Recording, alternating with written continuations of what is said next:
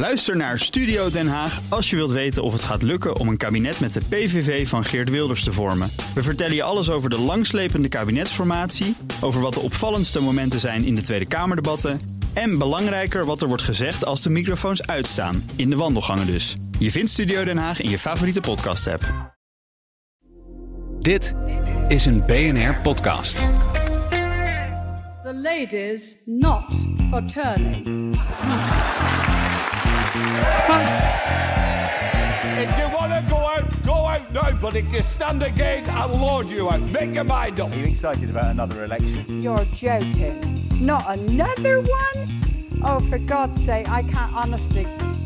Ho, ho, ho. Je luistert naar Kerst met Van Beckhovens Britten. Normaal gesproken een podcast over de meest opmerkelijke ontwikkelingen in het Verenigd Koninkrijk. Met in Londen Lia van Beckhoven. Ik ben Connor Klerks bij BNR Nieuwsradio in Amsterdam. Happy Christmas, Lia. Hey Connor, Ja, in Ierland. wat heb je dat eh, leuk gedaan? Dankjewel. Met een kerstronde. Ja, toch wel gezellig, hè? Ja, in Ierland zeggen we geen Zeker. Merry, maar Happy Christmas. Geen idee waarom eigenlijk. Zou ik aan mijn moeder moeten vragen. Maar ja, het is eh, onderdeel eh, van een hele reeks aan kleine details die net even anders zijn aan de andere kant van het water. Straks keren we de Van Beckhovens Britten inbox ondersteboven. En dan gaan we zoveel mogelijk luisteraars eh, vragen beantwoorden. Maar eerst, ja, op het moment dat we uitzenden is het derde kerstdag. Dus leek mij wel leuk om het eens met jou over de Britse kerst te hebben. Lia, ben jij zelf eigenlijk een beetje een, eh, een kerstpersoon? Eh, nee, trouwens met die, eh, met die aankondiging van net en met die jingle eronder en die bellen wel. Dan zit ik al helemaal in de stemming. Ik ben geen kerstpersoon. Ik moet zeggen, ehm, ik heb er decennia over gedaan voordat ik me helemaal heb overgegeven aan de Engelse kerst. Ja. Ehm, niet de kerstdag zelf. Ik bedoel, het is een relatief bescheiden boel, eh van Beckhoven. Maar de aanloop er naartoe, Ja. werkelijk. Het is... ehm, ja, het, het, het, het, is, het gaat maar door en het houdt niet op. En het is erg eh, eh, vrolijk allemaal. En je moet, je, je moet je daarop voorbereiden. Je moet in ieder geval zorgen dat je fysiek in een hele goede conditie... trouwens mentaal ook in een hele goede conditie eh, bent. Jullie zeggen Happy Christmas. Wij in het Verenigd Koninkrijk zeggen Merry Christmas. We zeggen ook Happy Christmas. We zeggen ook andere dingen die minder beleefd zijn over kerstmis. Maar wat het vooral is... eh, Vergeet die mis. Het is echt een feest. Weet je wel, kerstmis is feesten, feesten, feesten. Het heeft helemaal niks met religie te maken. Eh, je, je, je ziet ook nergens kerststalletjes bijvoorbeeld. Eh, volgens mij geloven Britse kinderen dat de kerstman Jezus in een stal bezorgde. Waarschijnlijk via Amazon. Ja, dus het heeft helemaal niks ingetogens. Hè, wat Nee. je bij ons nog wel een beetje hebt. Het is, het is alleen maar uitbundig. Ja. En ja, eh, omdat ik uit principe. ehm, ik heb maar heel weinig principes, maar dit is er een van. Geen uitnodigingen weigeren voor, voor feesten. Ehm, eh, is het een hele drukke tijd. En bij kerstfeesten moet je, eh, je weet je wel, dat niet voorstellen zoals bij ons die, die hele nette, keurige nieuwjaarsborrels en zo. Maar het is echt met live bands en met dansen. En, en iedereen die in zijn, zijn lelijkste wintertrui uit de kringloop eh, weet je, op tafel staat. Ja. met lichtgevende rendierdiademen op het hoofd en zo. Het is een topsport. Het is een topsport. Nou, nou, nou, ik wilde zeggen, het is niet helemaal hedonistisch. Maar dat is niet waar. Het is wel hedonistisch. helemaal. En wanneer begint het, eh, eh, de marathon eh, van kerst voor jou? Nou, voor mij, kijk, eh, ik, ik, ik weiger winkels in te gaan die voor 15 september al aan kerst doen. Dat doe ik dus gewoon niet. Dus ik 15 hou het wel relatief... dat is voor eh, jou de datum. 15 september. Er zijn echt winkels die daar in augustus al mee beginnen. Hou op. Maar ehm, eh, het, is begin december dat het echt losbarst. Dat het echt losbarst. Ja, ehm, wat, wat ook.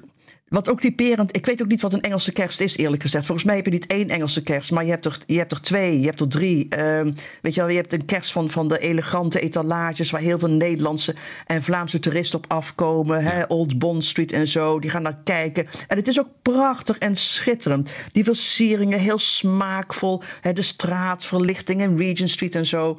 Ehm, daar tegenover, als je dan een paar kilometer verder eh, de, de woonwijken ingaat eh, met een dubbeldekker, altijd aan te bevelen, voorin, bovenaan gaan zitten. eh, dan zie je inderdaad huizen met veelkleurig verlichte rendieren op daken, weet je wel, met, met de opgeblazen uh, Sinterklaaspoppen en zo. Um, knipperende lampjes door de hele straat. Uh, en, en, en je hoort dan ook, of je ziet dan ook van buren, je leest in de krant over welk huis um, je dit jaar weer de voordeur niet in kan vanwege al die verlichte tuinhekken en, en, en stapels met sneeuwpoppen en zo. Maar weet je wat het ook is? Wat ook één heel typer, typerend ding aan, is aan een Engelse kerst. Het valt altijd, het valt altijd tegen. het, sorry, maar als ik eraan denk, het is altijd weer een hele, hele diepe teleurstelling. Uh, de verwachtingen zijn zoveel hoger dan bij ons. Ja. Uh, dus ja, we hebben ook die knallende familieruzies en zo, bla bla bla. Maar dan, dan, daarbovenop dan nog weet je die tegenvallende cadeaus en, en vooral het slechte eten. Ja. Want ik, ik heb het er vaak over. Kijk, het eten is heel erg veel verbeterd sinds ik hier eh, tijdens, uh, weet ik van Napoleon kwam wonen. Um, uh, en, en je hebt ook heel veel Britten die echt uh, massaal kijken naar Jamie Oliver, Nigella Lawson, weet je, aan al die andere kookprogramma's en zo. Maar dat wil niet zeggen dat ze zelf thuis um, uh, culinaire helden zijn. Helemaal niet. Ja. ze, ze lezen ontzettend veel kookboeken, ze kijken naar kookprogramma's, maar zelf thuis uitproberen, homa. Dus wil ik maar zeggen, en ik heb het echt meegemaakt, kalkoenen zijn altijd ongaar. Want ze zijn veel en veel te groot. Ze ja, nooit ja. in de oven. Uh, spruiten nog steeds uh, tot snots gekookt. Hè. Dat zijn echt, die zet je dan de dag daarvoor volgens mij op. Want die kun je echt met een rietje uh, nuttigen. nou, en dan heb je, en dan heb je, en heb je een Christmas pudding. Christmas pudding? Ik bedoel, dat is normaliter al niet te eten. Zo'n zo'n donkerbruin geval.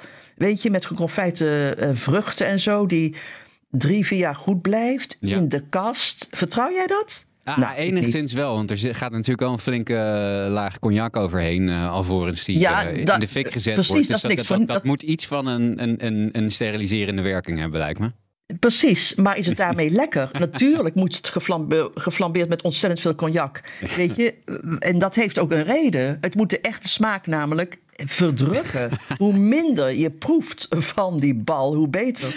En trouwens ook te veel alcohol. Dat begint, weet je, dat begint, dat begint 's ochtends al. Hè? Ja, het is erg, bij het hè? nee, niet bij het uitpakken van de cadeaus. Voor het uitpakken van, van de cadeaus. Het kerstontbijt, dat moet met baksvis. Oh, hè? ja. Champagne eh, met eh, eh, sinaasappelsap. Ja. Dus tegen de tijd dat je de Christmas lunch, want het is altijd tussen de middag, ehm, eh, eh, dat je daar aan tafel zit. ehm, en, als je dan, en dus dan, dan, dan heb je al het een en ander eh, achter de kiezen qua alcohol. En dan probeer je die maaltijd naar binnen te krijgen. Ehm, en daarna val je in slaap voor de toespraak van koning Charles. En dat is het dan. Ja. Dat is het dan. Ja, dat, dat alcohol, eh, dat, dat is wel een dingetje. Hè? Ik heb ook eh, familieleden, ik ga natuurlijk geen namen en rugnummers noemen, maar eh, ik ken ook wel mensen waarbij er een scheutje Baileys in de cornflakes gaat. als allereerste een, een, een mooi begin van de kerstdag. precies, precies. En, en weet je, ehm, oh ja, Pigs in Blanket, ben ik vergeten, dat hoort er ook ja, bij. Hè? worstenbroodjes zijn dat, hè? Nou, dat zijn ehm, worstjes met een laagje spek eromheen. Oh, spek. Ik dacht dat het Pigs in Blankets. Varkens met een, eh, een, nee, met een, eh, Ja, een dekentje. dekentje erover. Ja, wel Wat lekker je lijkt me. ook had, en wat dit jaar ehm, eh, ik niet gezien heb, over teleurstelling gespro- ge- gesproken, ook een klassieker is dat, dat Winter Wonderland, weet je wel? Ja, Ieder jaar, dat waren die pretparken. Die, die zijn, ik geloof vooral in de jaren 90 begonnen ze daarmee in Groot-Brittannië. Dat je dan eh, pretparken had. Dat waren dan, dan magische winterlandschappen. Zo werd het geadverteerd. Ja. En met, met sneeuw en zo. En avonturen en rendieren en, en sleeën en noem maar op. En er klopte doorgaans helemaal niks van. Eh, er was nooit sneeuw. En die spuitsneeuw die deed het niet. Eh, de rendieren, dat waren eh, uitgehongerde eh, ponies, weet je. De kerstmannen waren veel te dun. En ik herinner me nog een verslag van een paar jaar geleden... ehm, eh, dat de bewuste kerstman op één zo'n... ehm, ja, wat is het, de parkeerplaats eigenlijk... dat zijn helpers enkelbanden droegen.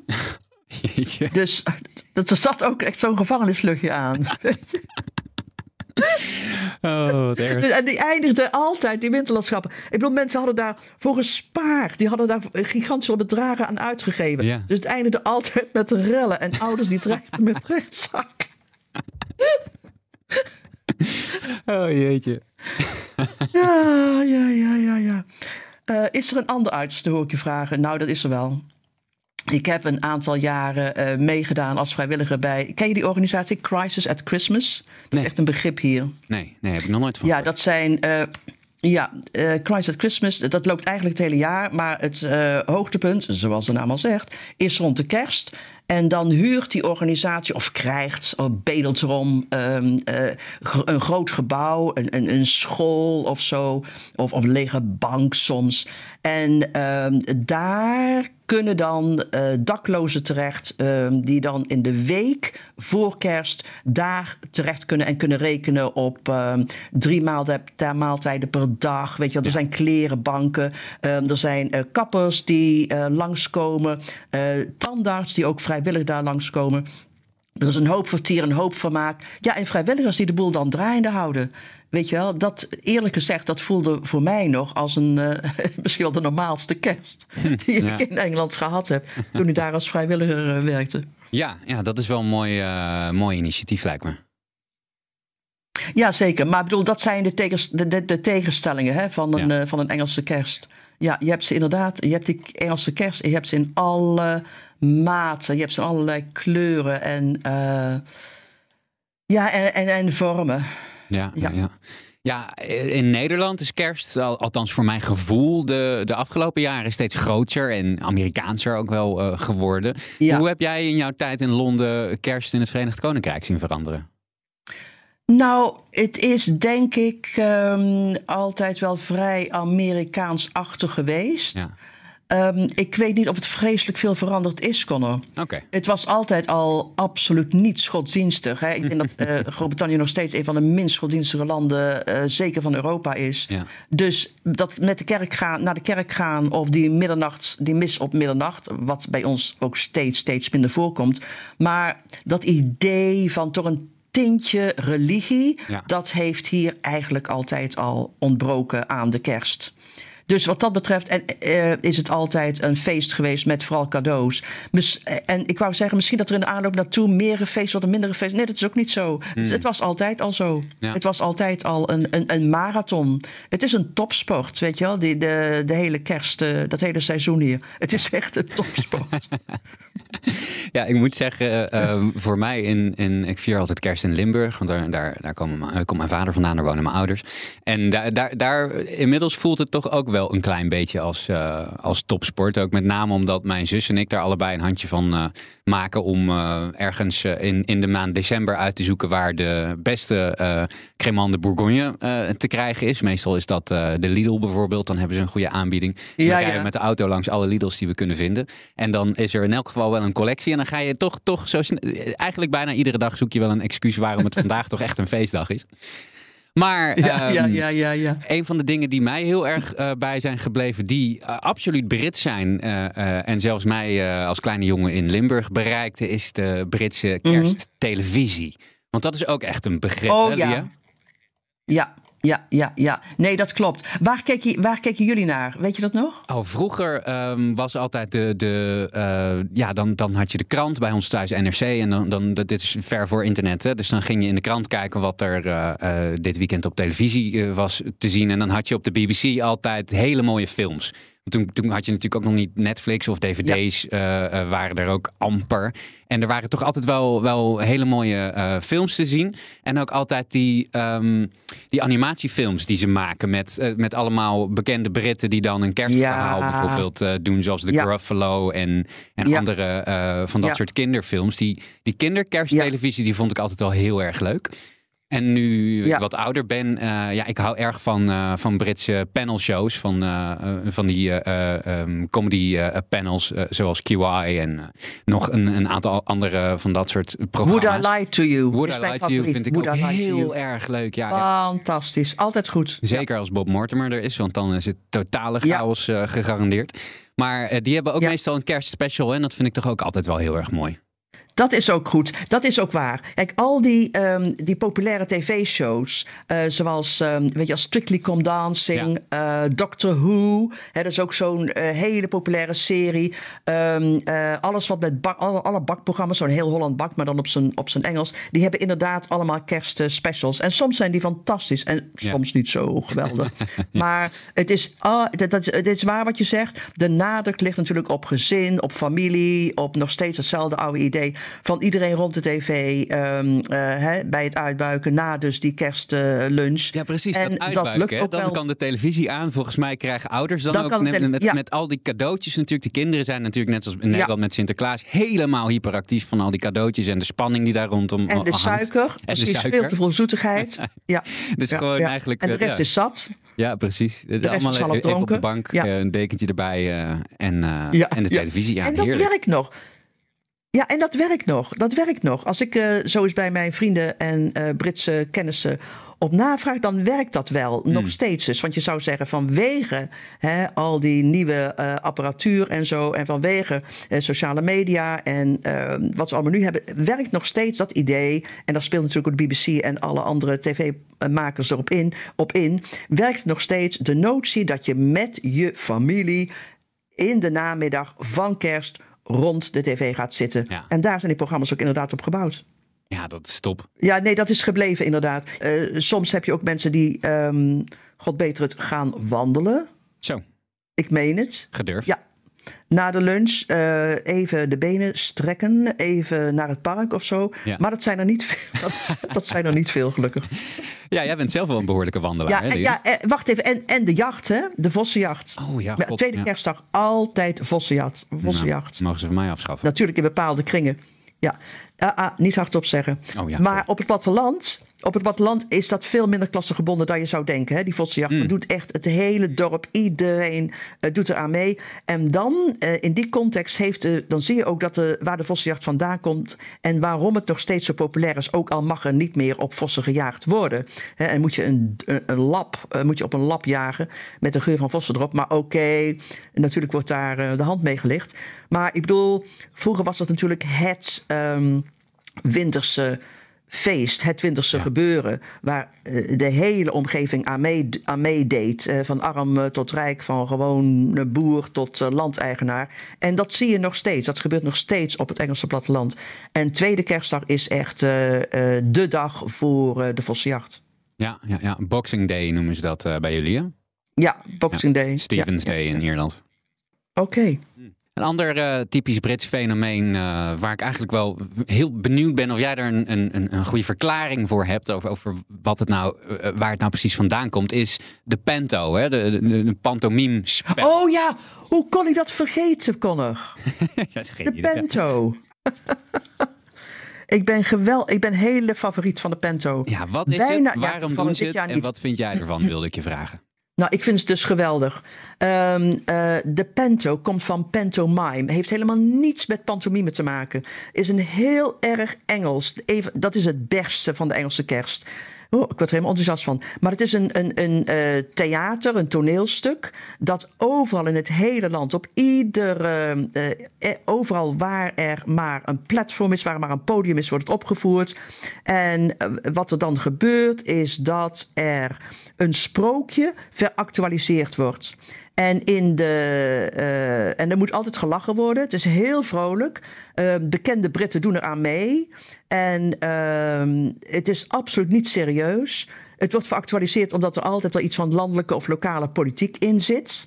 Eh, er zijn standaard grappen. Er is altijd iemand die zegt van, waar is de dader bijvoorbeeld? En dan roept de hele zaal, behind you, behind you. Ehm, mannen spelen vrouwenrollen. Ehm, en een ander, eh, ik weet niet of jij dat wel eens eh, hebt meegemaakt, maar of bijgewoond. Maar een ander gezegde is: eh, Oh no, he didn't. En dan roept er weer de hele zaal: Oh yes, he did. Weet je? Ja. En dat gaat zomaar door. Het is een begrip. En als je een leuke opvoering hebt, vorig jaar ben ik geweest met, met mijn gezin, mijn familie hier. En toen was het Sneeuwwitje. Ik bedoel, van Sneeuwwitje herken je helemaal niks. Er wordt omheen gebouwd. ehm, er wordt heel veel geëxperimenteerd met ehm, eh, allerlei andere ja, verhaaltjes die er dan ingeplakt worden. Ehm, er wordt het gaat vooral om de humor, het Ja. gaat om de grappen. Dus het staat ver, vrij ver weg van het sprookje waar het allemaal bedoeld is. Het is heel erg vrolijk, heel erg kleurrijk, heel erg eh, luidruchtig. En het gaat dus echt om, ja, het is participerend toneel. Het gaat, het gaat echt om de mensen in de zaal. Ja. Ja, het is heel prachtig, het is heel leuk. Weet je waar die traditie vandaan komt? Geen idee. Nee, ik heb het ook niet echt eh, kunnen achterhalen. al. Ik had misschien beter Geen eh, idee. best kunnen doen. Ja, de Pento dus ook een van de absolute hoogtepunten van de Britse kerst. Zometeen gaan we verder met de luisteraarsvragen, maar nu eerst een korte break.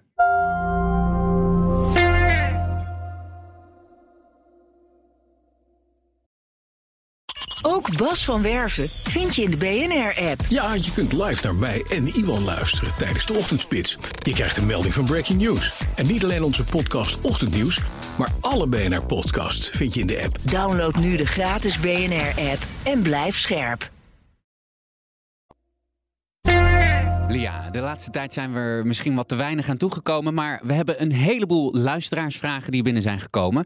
Ehm, dus die eh, wil ik graag met jou door gaan nemen. En allereerst eh, even een, iets wat, wat wel vaker terug is gekomen de afgelopen eh, maanden. Eh, een tijdje terug hadden we een vraag van Cheert over de openingstune van, van Beethoven's Britten en wat Margaret Thatcher nou precies zei. Maar eh, in reactie daarop kwamen er ook heel veel mensen die waren benieuwd naar de andere quotes uit de intro. Dus ik dacht, ik zet ze even voor je op een rijtje. Het begint natuurlijk met Margaret Thatcher met haar beroemde quote: The lady is not for turning. Luister aflevering 24 van, van Beethoven's Britten als je meer details daarover wil horen. Daarna komt de huidige Speaker of the House van de Commons, eh, Lindsay Hoyle is dat. En die eh, ehm, wijst een eh, tweetal Schotse parlementariërs terecht die zich nogal opstandig gedroegen. Hij zegt: If you want to go out, go out. But if you stand again, I will order you out. En mijn persoonlijke favoriet, eh, al wel een paar jaar oud, maar het is een voxpop van de BBC, waarin een mevrouw in haar voortuin reageert op de snap election die Theresa May destijds had afgekondigd. En dat was de zoveelste verkiezing in zeer korte tijd. En die mevrouw die zegt, you're joking. Not another one? Oh, for God's sake, I can't honestly. En ja, daar heb ik hem eh, afgeknipt. Maar in het echt gaat ze nog even door met There's too much politics going on. En dat was ook wel een sentiment wat in de roerige Brexit-jaren misschien nog steeds wel eh, best wel terecht was. Lia, die quote van die mevrouw in haar voortuin, die is eh, een heel eigen leven gaan leiden in het VK. Hè? Ja, precies. Eh, je hoorde hem overal. Eh, als mensen iets zeiden, ging, maakt niet uit waar het over ging. Dan was het, oh no, not another one. Ja, ik vond het schitterend toen. Gaan we over eh, naar wat recentere vragen. Ben je vandaag niet aan de beurt, dan de volgende keer wel. En wil je alsnog een vraag insturen? Nou, dat kan altijd. Gebruik daarvoor het WhatsApp-nummer van, van Backoffice Britten. Dat is 06 28 13 50 13. We beginnen bij een vraag van Bob. Goedemiddag Lia en Connor en de groeten uit Liverpool. De stad waar ik sinds anderhalf jaar het geluk heb om te mogen wonen. En mijn vraag aan jullie gaat dan ook over de Scousers. Direct vanaf het begin dat ik hier kon wonen viel het mij op de extreem anti-nationalistische en anti-monarchische sentimenten in de Republic of Liverpool. Ik heb eh, kaarten gezien waarin staat dat van alle steden in heel de UK nergens zoveel mensen tegen de monarchie zijn als in Liverpool. En er is bijna geen enkele county in Engeland waar zo weinig mensen op de Tory stemmen. En ook wat ik hier om me heen zie, lijken mensen zich simpelweg niet verbonden te voelen met Engeland. En al helemaal niet met het Koningshuis. Kunnen jullie vanuit een historisch oogpunt uitleggen waar dat vandaan komt en wat de rol van de Ierse migratie daarin is? Many thanks in advance. Ja, goede vraag eh, van Bob. Herken je dat, de Republic of Liverpool? Fantastische vraag. De Socialist Republic of Liverpool. Ja, zo interessant. Het is heel erg eh, waar dat Liverpool inderdaad, eh, nou ja, zoals Bob zegt, een hele sterke identiteit heeft, een hele sterke linkse identiteit eh, heeft. En wat de geschiedenis eh, betreft. Kijk, wat dat betreft is, Liverpool niet uniek. Want je ziet hetzelfde in andere havensteden, arbeiderssteden als, als Rotterdam, als Antwerpen. Eh, met het verschil dat inderdaad Liverpool ook heel veel Ierse migranten door de eeuwen heen heeft aangetrokken. Ja. Ehm, maar veel, eh, er is ook veel veel afgeleden uh, in, in Liverpool. Ik bedoel, ik herinner me nog toen ik er kwam wonen in de jaren tachtig. Uh, de zware industrie was vertrokken. Uh, de haven ging dicht. Fabrieken sloten. Werkloosheid was gigantisch hoog. Je zat dan ook midden in de mijnstakingen nog. Had Mm, ook ja. zijn gevolgen natuurlijk voor um, de stemming in die stad. Ook omdat men toen heel sterk voelde dat er heel weinig hulp was van, of sympathie van, van de overheid. Dat de Liverpudlians er alleen voor stonden. Ik geloof inderdaad, politiek gesproken, dat Liverpool voor het laatst 50 jaar geleden of zo een conservatieve gemeenteraad had. Uh, het is ook niet toevallig dat toen, we hebben het over de jaren 80, um, uh, de groep Militant, hè, dat waren trotskisten. Um, actief in de Labour-partij. Die wilden die partij ook overnemen. En zij kwamen uit Liverpool. Dat is ook natuurlijk niet, niet toevallig. Maar ja, ik, ik, ik geloof ook dat um, het gevoel anders te zijn. Uh, los te staan van de rest van het land. Dat, uh, en zeker ook anti-monarchie, of in ieder geval non. Um, koninklijk gezind te zijn, heeft waarschijnlijk ook te maken met uh, het, het, het, de Ierse migranten die daarheen die, die, die, daar kwamen wonen en de cultuur die zij meebrachten. Hè, die ja. natuurlijk ook niet pro-Verenigd Koninkrijk en monarchistisch gezind is geweest. Nee, en ik denk niet. dat het. Uh, nee, daarom. En het gevoel anders te zijn, dat is denk ik door de jaren alsmaar, door de decennia alsmaar opnieuw bevestigd. Uh, en versterkt, denk ik, ook door de manier waarop de rest van het land reageerde, bijvoorbeeld op ontwikkelingen die typisch waren voor Liverpool. Bijvoorbeeld dat voetbaldrama van Hillsborough. Oh ja, ja. Hè? Waar uh, uh, bij in een wedstrijd in Sheffield, het Hill Hillsborough Stadium, 100 mensen waren doodgedrukt. En dat waren bijna allemaal uh, supporters van Liverpool. En dat was in 1989. Nou.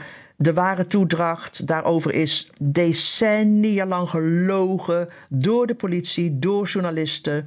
Uh, die allemaal de supporters de schuld schaven. Nou, dat versterkt natuurlijk ook het gevoel van eensgezindheid van ons tegen de rest van het land. Ja. Uh, en nog steeds, omdat de Sun bijvoorbeeld en de journalisten van de Sun daar heel sterk in waren. In het uh, fout blameren van de Liverpool uh, supporters wordt die krant ook niet verkocht in Liverpool. Hm. Uh, hè, omdat die destijds dus, uh, de leugens verspreidde over die, die fans. En um, ik weet niet of dat nog steeds zo is, dat weet Bob beter. Maar toch nog niet zo lang geleden, als je dan aankwam op het station van Liverpool en dan wilde je een taxi, dan, dan zag je ook die taxis rijden met, weet je wel, no sun here. En echt, je, je riskeert je leven als je dat blad daar leest. Hm, ja. Het is. Het, uh, het is interessant wat hij zegt over anders dan Engeland. Ik vind ook Liverpool. Wordt vaak vergeleken met Manchester. Ook geen Engelse stad. Manchester vind ik een hele Engelse stad. Een hele Noord-Engelse stad. Maar ik ben al een poos niet in Liverpool geweest. Maar ik herinner me wel dat het, dat het altijd voelt, wat mij betreft, meer als Belfast. Of meer als Glasgow, weet je wel? Het is veel meer gespierd. Veel meer ja, gestaald kader. En qua architectuur is het ook veel vierkanter, mm. uh, veel ja, industriëler, zal ik maar zeggen, ja. uh, qua bouw. En ja, dat merk je ook wel aan um, uh, de mensen die er wonen. Dus inderdaad, een andere stad. Dus zeker een andere stad. Met een hele, hele eigen traditie en een eigen cultuur. Gaan we naar een uh, vraag van Nelly, die ik even voor ga lezen. Um, Nelly schrijft: Jullie podcast is een cadeautje. Op woensdag ben ik helemaal blij, want dan is er weer een nieuwe aflevering. Nou, leuk, Nelly. Ik vraag me af, door alle informatie in de podcast. Um, sinds ik een tiener was, ben ik geregeld in Engeland op vakantie geweest. Wij huurden vroeger voor weinig, want Engeland was arm. Vaak prachtige huizen waar we met de hele familie de zomer doorbrachten. En geregeld ging ik later een weekje met de man naar Engeland tot Brexit en corona hier een streep doorzetten. Maar vorig en dit jaar gingen wij weer eens op vakantie naar Engeland. Ik was wel bang dat er veel veranderd zou zijn. We hadden nu een 16e eeuwse cottage gehuurd in Marlborough, hartje Engeland. En pal naast een veld met menhirs, een soort mini Stonehenge.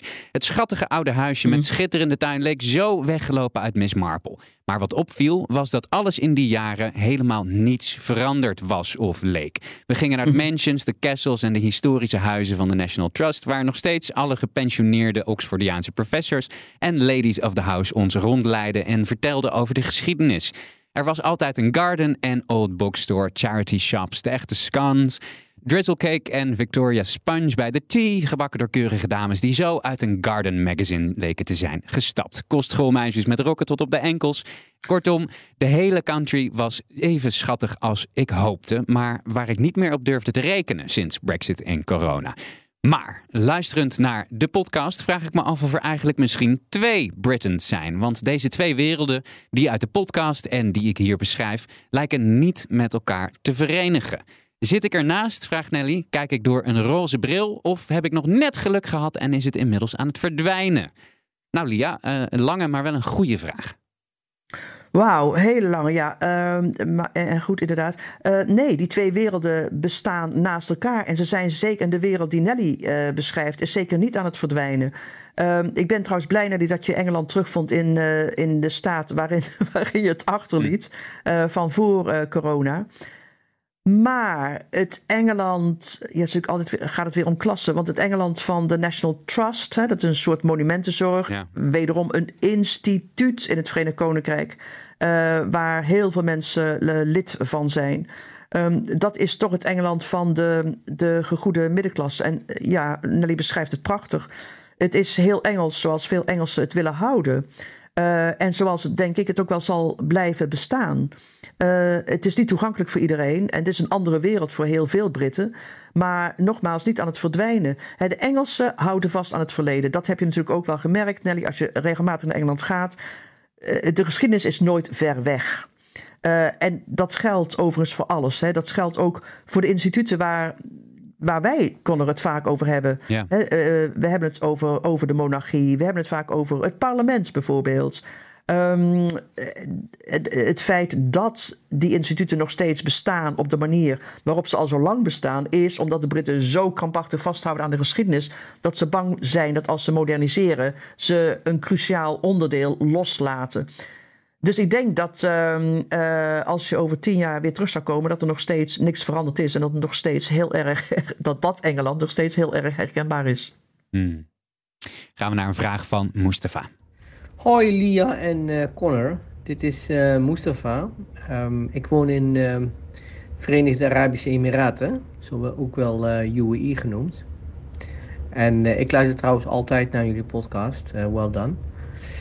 Um, en, mijn kinderen, die, ik heb een volgende vraag. Mijn, kinderen die gaan, ja, die zijn altijd naar een Britse school gegaan, hier in de UAE.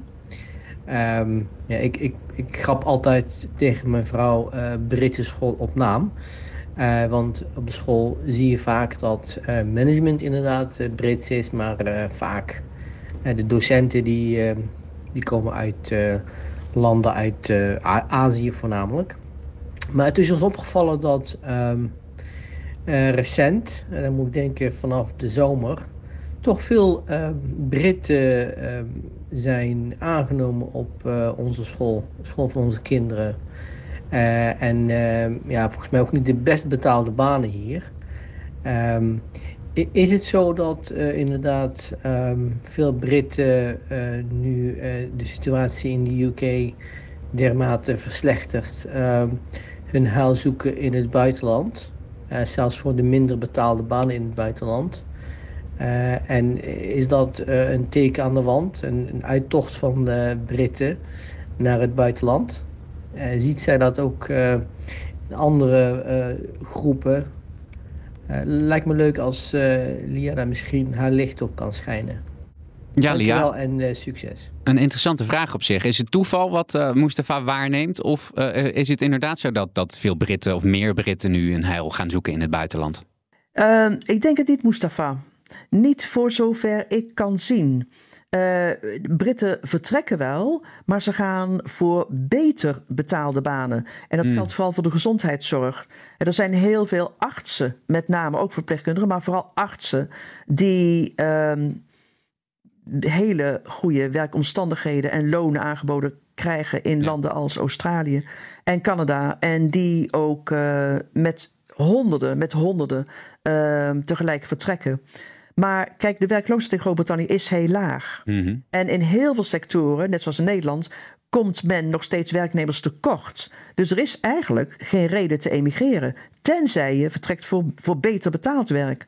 Dus dat mensen die niet goed betaald worden hun heil zoeken voor evenmin goed betaalde banen elders. Dat, is- ik denk dat dat om andere reden is, maar zeker niet om geld. Oké. Gaan we naar een vraag van Louis. Hallo, mijn naam is Louis en elke week stem ik trouw af op jullie podcast. Nu, ik denk dat alle luisteraars hier in Nederland en België een grote fascinatie en interesse hebben voor het Verenigd Koninkrijk. Maar ik vroeg me nu af, bestaat dat ook in de omgekeerde richting? Interesseren de Britten zich in die twee kleine landjes aan de overkant van het kanaal? En gaat dat dan ook verder dan enkel maar tulpen en wafels? Ziezo, dat was mijn vraag. Alvast bedankt en doe zo verder. Hey Louis, niet alleen wafels hoor, ook bier en eh, friet en mayonaise. Hè? Maar veel verder dan dat gaat het niet, moet ik zeggen. Ehm, nee, eigenlijk is er helemaal geen interesse, laat staan fascinatie voor Nederland of België. Ehm, wat de Britten hebben is een, is een verwantschap, een, een affiniteit met oud-koloniën, vooral de Engels sprekende vroegere koloniën. eh, Verenigde Staten, Canada, Australië, Nieuw-Zeeland. Het, het is, er is een onverschilligheid jegens Europa, laat ik het zo zeggen. Ehm, eh, wat natuurlijk ook niet helpt, is dat er steeds minder buitenlandse talen eh, gedoseerd worden aan, eh, op Britse middelbare scholen. En dat het ook steeds moeilijker is om een universiteit te zoeken die, waar je buitenlandse talen kunt eh, studeren. Dus er is een onverschilligheid jegens Europa. Met uitzondering van het Eurovisie Songfestival of het EK. hoewel zelfs dat. Maar de Britten willen niks van Europa weten. Zijn niet geïnteresseerd. En dat merk je aan alles. De manier waarop er over Europa gesproken wordt. Het is niet vijandig hoor, maar het is gewoon. Ja, oninteressant. Wij, ehm, dat viel me laatst weer op, wij hebben het over Stuttgart bijvoorbeeld. En dat hoeft dan geen nadere eh, uitleg, geen nadere duiding. Wij weten, Stuttgart is een plaats in Duitsland. Ja. In het Verenigd Koninkrijk, als je het dan over een, een stad hebt als Stuttgart, moet je er altijd bij zeggen in Germany, in Duitsland. Begrijp je?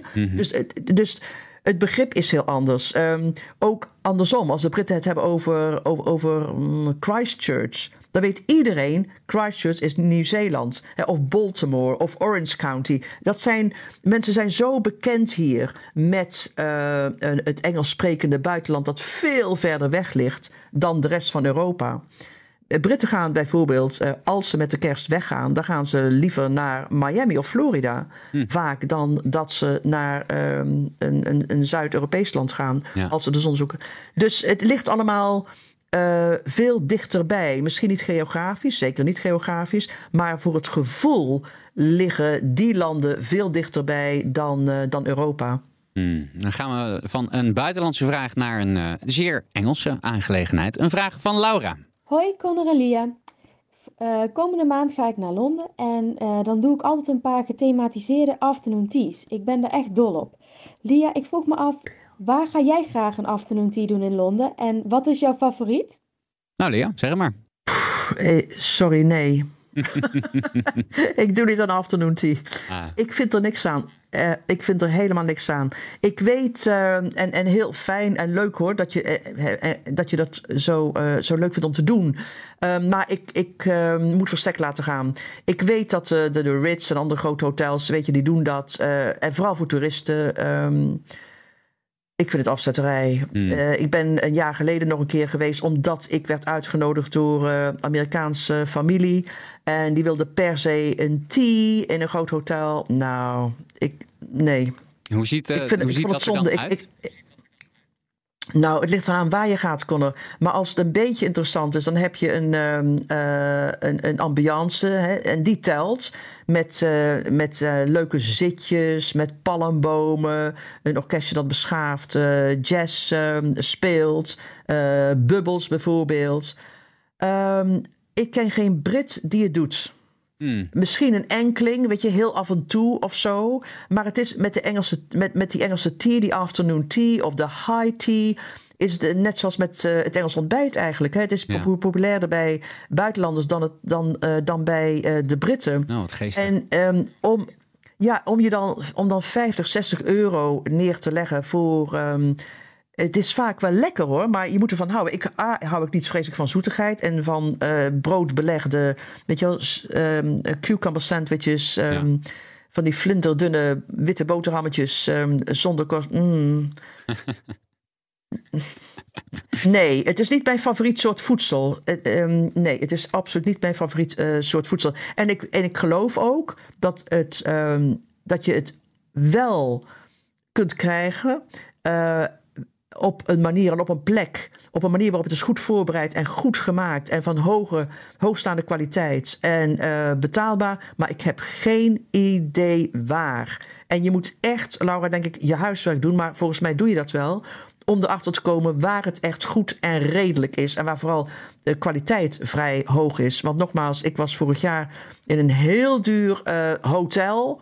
Ik vond het voedsel uh, van hele middelmatige kwaliteit en de prijs exorbitant. Hm.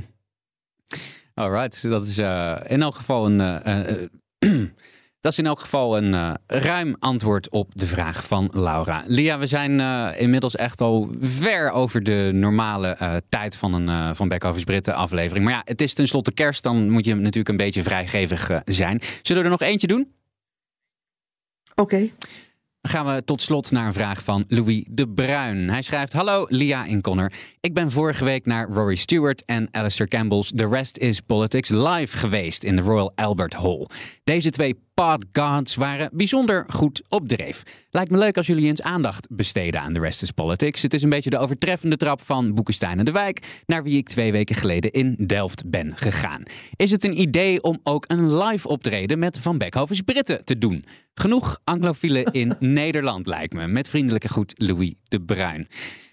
Ja, ja, aandacht aan andere podcasts. Ik, uh, ik vind het een hele interessante podcast. Ik luister hem zelf uh, heel trouw. Ik geloof uh, jij ook. Maar ja, wij trekken toch altijd een beetje ons eigen plan met het nieuws wat wij voor Nederland het, het meest interessante vinden.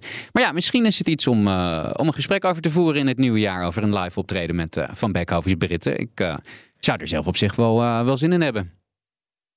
Ja, lijkt me hartstikke leuk. Uh, Louis, ga je gang. Regel het. Ik leg je niks in de weg. Maar je hebt gelijk. The Rest is Politics is een hele, hele goede podcast. Um, voor luisteraars die uh, niet uh, op de hoogte zijn. De, ik denk dat de kracht zit hem in de kennis van uh, Rory Stewart. Ja. Dat is een oud conservatief politicus die fantastisch goed bereisd is. Een, een heel spannend verleden ook heeft.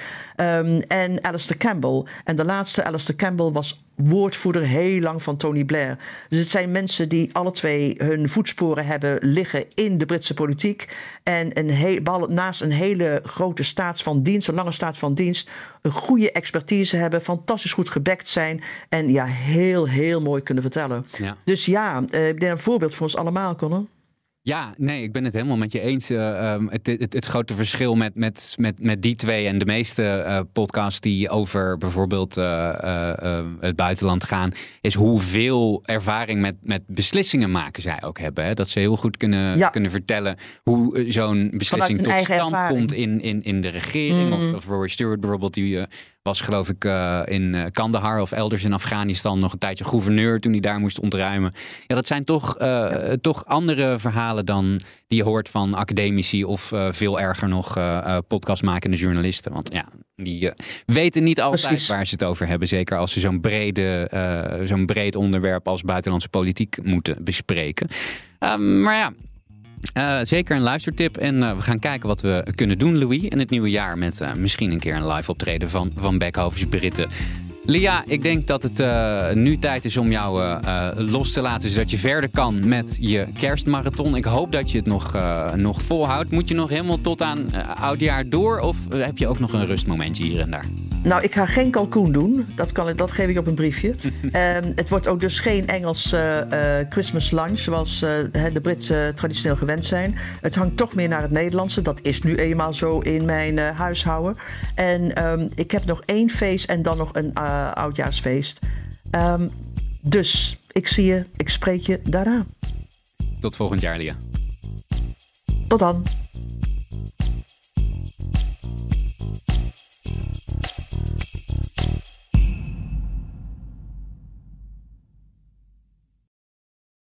Ook Liesbeth Staats vind je in de BNR-app. Ja, heel handig. Luister live naar Kees en mij tijdens de Daily Move. Dan blijf je ook gelijk op de hoogte van breaking news en het laatste zakelijke nieuws. En daar vind je ook alle BNR-podcasts, waaronder de Perestrooikast. Download nu de gratis BNR-app en blijf scherp.